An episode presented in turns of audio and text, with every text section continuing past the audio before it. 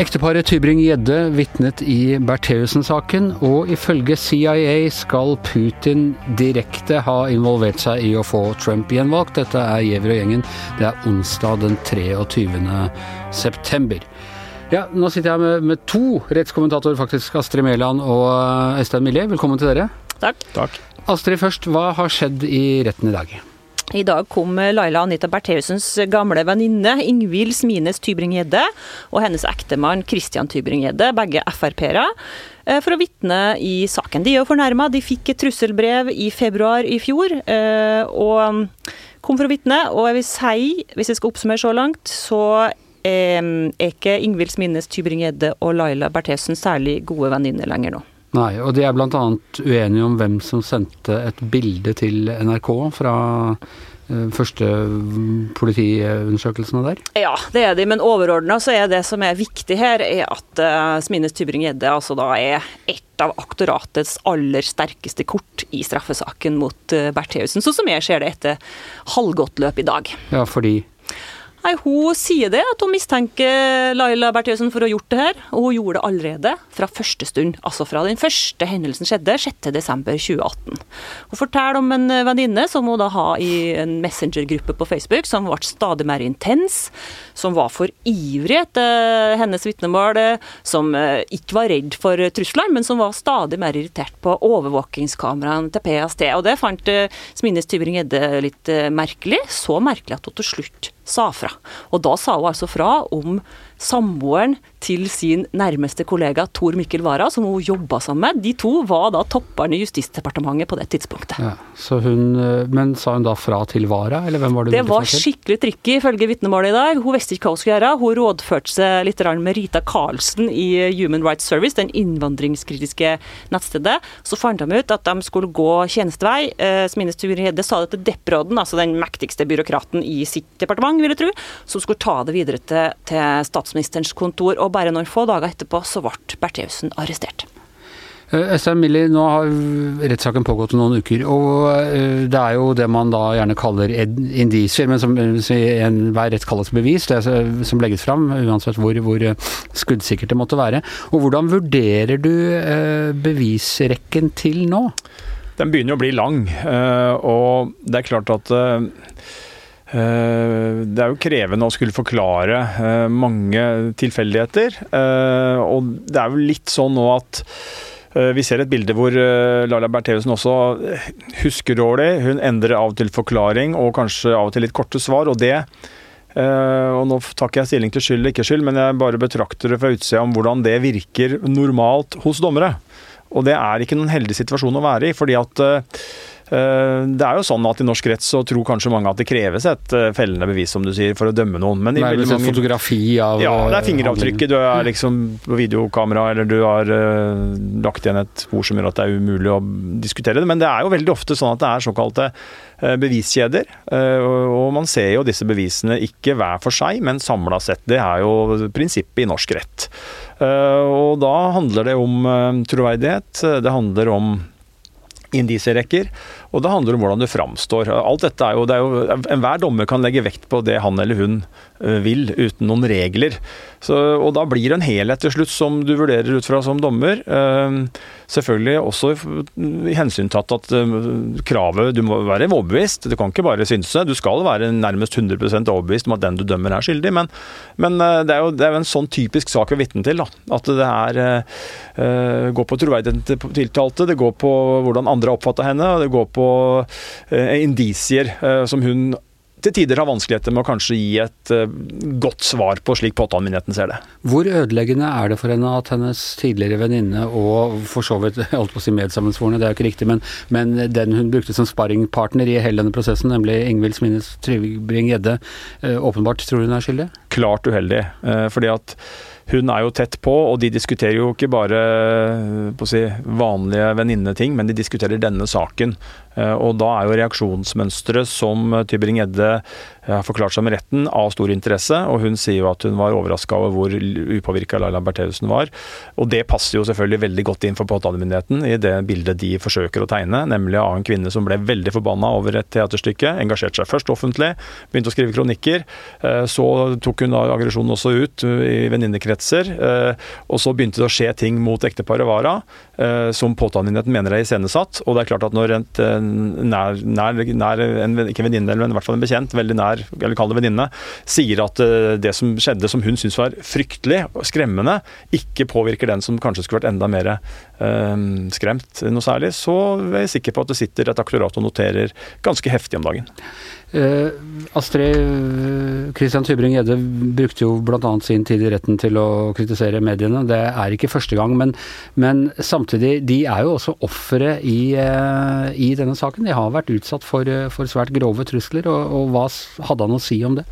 Ja, både han og kona brukte mye av sin tid til å eh, gå til angrep på pressen, og eh, delvis på PST og politiet. Eh, og jeg syns at de har noen gode poeng, fordi her blir jo altså de eh, eksponert. De får privatlivet sitt eh, i pressen.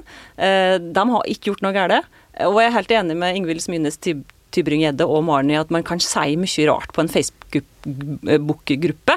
Og han Tybring-Gjedde utfordra her i dag da, kommentariatet og de venstreorienterte politiske journalistene som satt bak og noterte Kan dere rett opp hånda og si at dere aldri har sagt noe i en Facebook-gruppe eller privat som dere ja, ikke ville angra på i dag? Og selvfølgelig jeg kan Rakk du opp hånda da? Nei, det var, det, det var, ikke plass til det, følte jeg. Men jeg skulle absolutt gjort det klart det at eh, vi bare på et morgenmøte, Anders, så, så, sier vi mye rart om eh, å slenge ut meldinger og sånn som ikke egner seg. Som vi er glad for at de ikke kommer. ja, snakk for deg sjæl, sier jeg.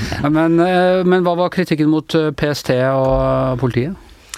Nei, de mener at det er det samme som Vara har holdt på med tidligere i rettssaken. De mener at det er PST og politiet som har lekka sjekka alt dette private. De snakka om 168 sider med messengermeldinger som var skrevet ut, som var lagt inn i den sakens dokumenter. Og da mener vel en god del av det her ikke er lagt inn der for å opplyse saken, eh, og det ikke handler om tiltalen, men at det er lagt inn der for å ødelegge troverdigheten, særlig til Bertheussen, men at de kommer, blir dratt med i dragsuget hos Ingvild Smines Tybring-Gjedde. Sjøl så har ikke Tybring-Gjedde noen sånn Facebook-kanal, for terten. Nei.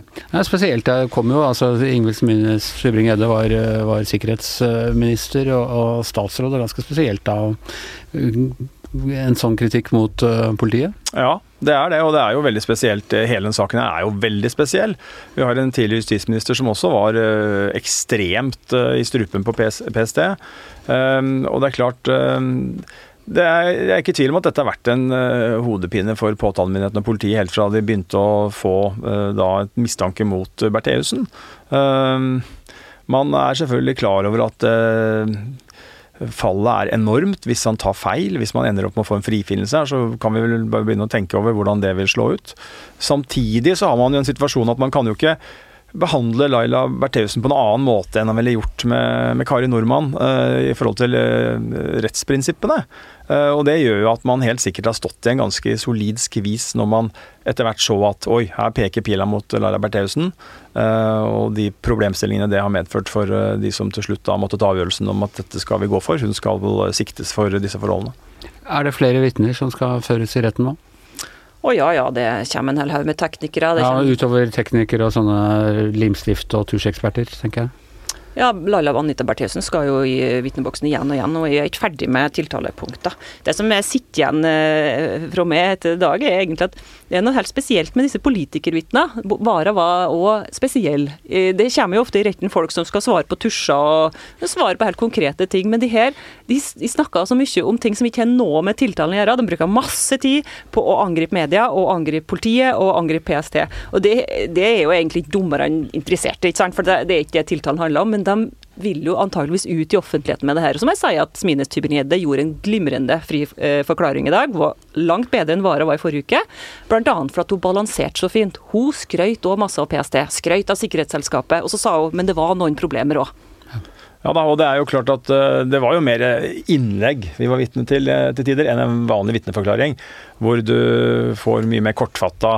Du blir oppgitt personalia, og så får du Ofte får du jo bare ikke Noen vil jo ikke gi en fri forklaring, de bare begynner å svare på spørsmål. ikke sant? 'Hvor var du fredag den 12. klokka 12?' Fortell om det. Og så kommer det ganske korte svar fra et vitne. Det er jo mange ganger det er sånn, men dette har jo vært som Astrid sier, helt annerledes på de vitnene vi har vært innom nå. Det har kommet eh, meget godt forberedt. Eh, jeg tror det støtta seg til notater, flere av dem, og eh, holdt innlegg før de har da fått selvfølgelig spørsmål men eh, meget verbale og sterke og klare til, og, og, og, veldig uvanlig til en rettssal å være i strafferetten, i hvert fall. Men denne teatergruppa, jeg vil gå ut fra at ikke de bare har vært fornøyd med pressedekningen heller. Får de noen dag i retten? Ja, ja. De, de kommer og vitner etter hvert. Eh, Pia Maria Roll Jessen, som var regissøren for dette teaterstykket, skal komme og vitne. Derfor er ikke hun i retten eh, nå, for det kan jo ikke vitne gjøre før etter at hun har vitna. Og disse andre skuespillerne sitter og hører på de som ikke skal vitne, så de er absolutt til stede. Det er eh, klart for mer mediekritikk eh, i retten, altså ved siden av bevisførselen. Det kommer nok.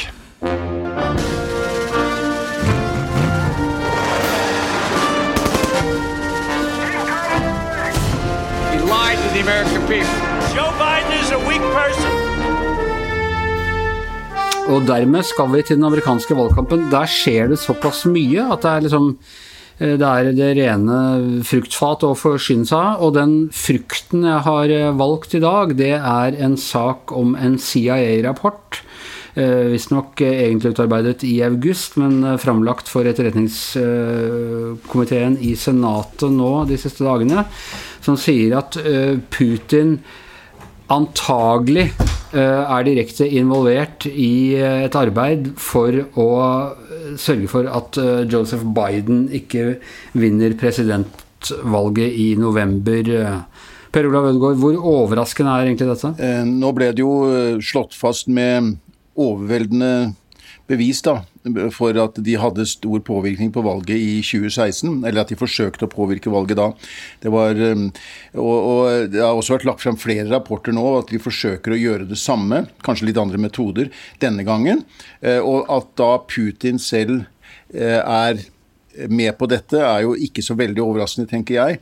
De sier at de har med moderat tillit til de rapportene. De, de er ikke overbevist om at det er sånn, men eh, at det er sannsynlig at det er sånn? Eller? I 2016 så hadde de det de kalte overveldende bevis. Okay, ja. eh, og nå snakker de om at de har moderat tillit. Vel, men det ville være vanskelig å tenke seg hvis det var en stor russisk påvirkningskampanje i det amerikanske valget uten at Putin var informert, og uten at han hadde en eh, finger med i spillet. Sånn som Russland fungerer i dag, så vil jo det være mer overraskende. Og det, det som da står i denne artikkelen i Washington Post, er at uh, Putin er, Putin er klar over og antagelig direkte involvert i uh, disse operasjonene. Vi vet jo også at Putin i sin tid var KGB-offiser, så dette er noe han kan noe om. Ja, og det som Vi hørte jo nylig nå, FBI-sjef Christopher Ray var jo i en høring i Kongressen nylig, og han sa jo at det pågikk nå i dette valget en, eh, eller en informasjonskampanje da, for å så splittelse og konflikt. Og at det viktige poeng var å spre nedsettende karakteristikker av eh, Joe Biden. Ehm, eh, så at det var altså til fordel for, for Trump. Ehm, og det fikk jo Trump selv til å gå ut offentlig mot Christopher Ray hans FBI-sjef og si hvorfor, ser, hvorfor, snakker du ikke om Kina?